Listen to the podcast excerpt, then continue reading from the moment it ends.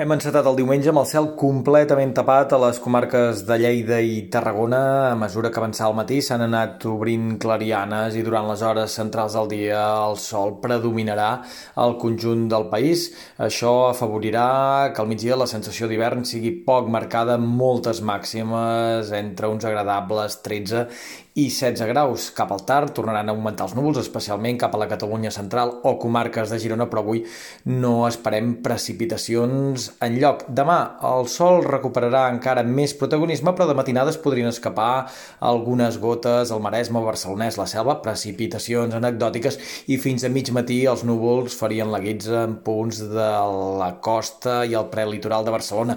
En tot cas, núvols que també ràpidament es trencarien i el dilluns seria una jornada en conjunt assolellada. Demà les temperatures es mantindran a ratlla, però entre dimarts i dijous els migdies seran primaverals màximes que recuperaran sobtadament 3-4 graus i que fàcilment podran fregar els 20 als sectors més càlids de Catalunya. De cara a dijous, però, arriba una nova entrada de vent de nord, tramuntant i mestral als dos extrems del país. De cara a divendres, els termòmetres tornarien a recular sobtadament i ara mateix, el pròxim cap de setmana, s'intueix com un dels més freds d'aquest hivern. I no només tindríem fred, sinó que aquesta inestabilització del temps es traduiria en més núvols ja a partir de dimecres dijous i precipitacions que divendres podrien regar bona part del Principat.